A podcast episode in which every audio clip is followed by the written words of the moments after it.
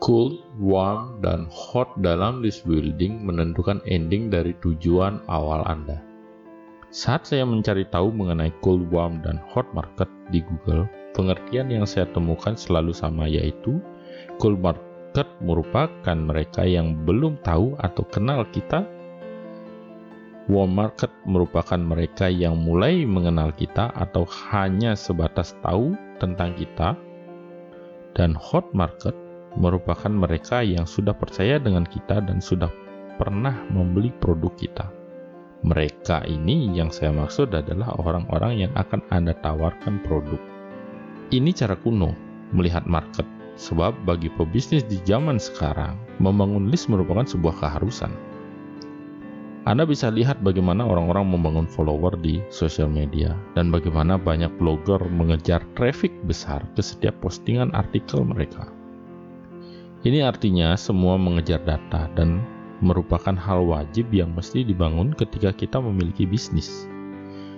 Maka pengertian cold, warm, dan hot market di atas seharusnya sudah berfokus kepada list.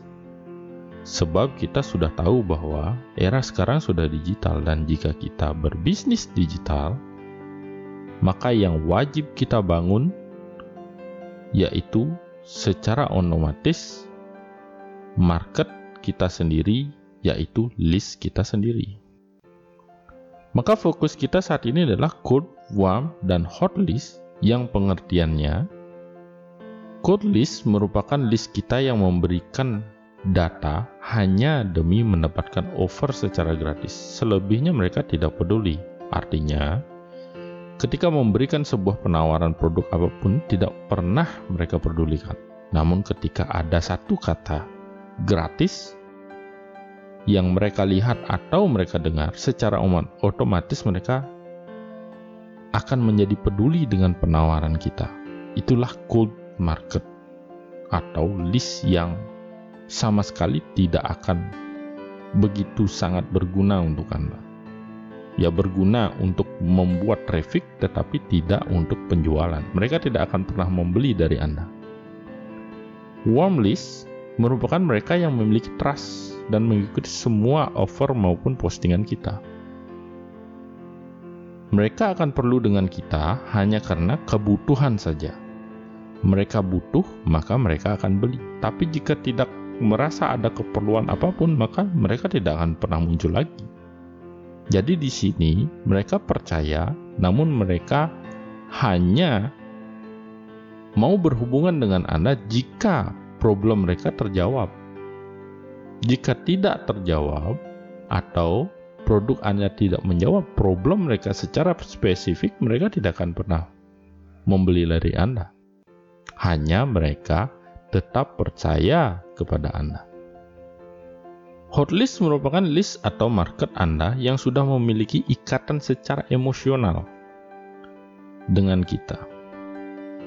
List yang tidak hanya percaya atau trust, namun juga care, yaitu peduli kepada kita.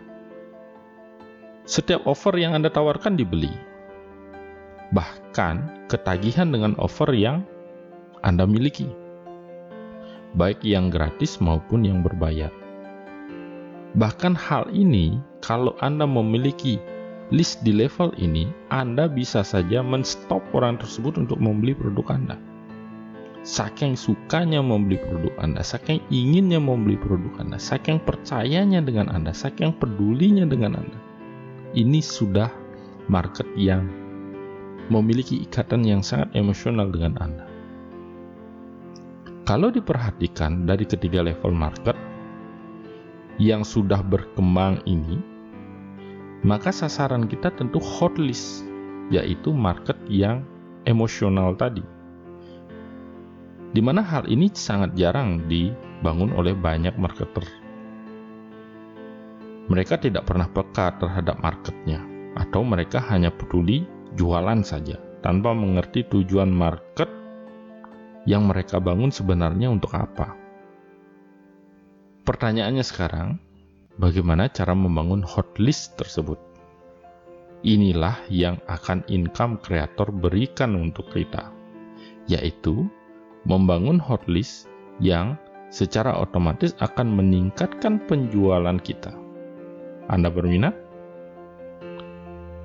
Salam income creator. Terima kasih. Saya Depadma.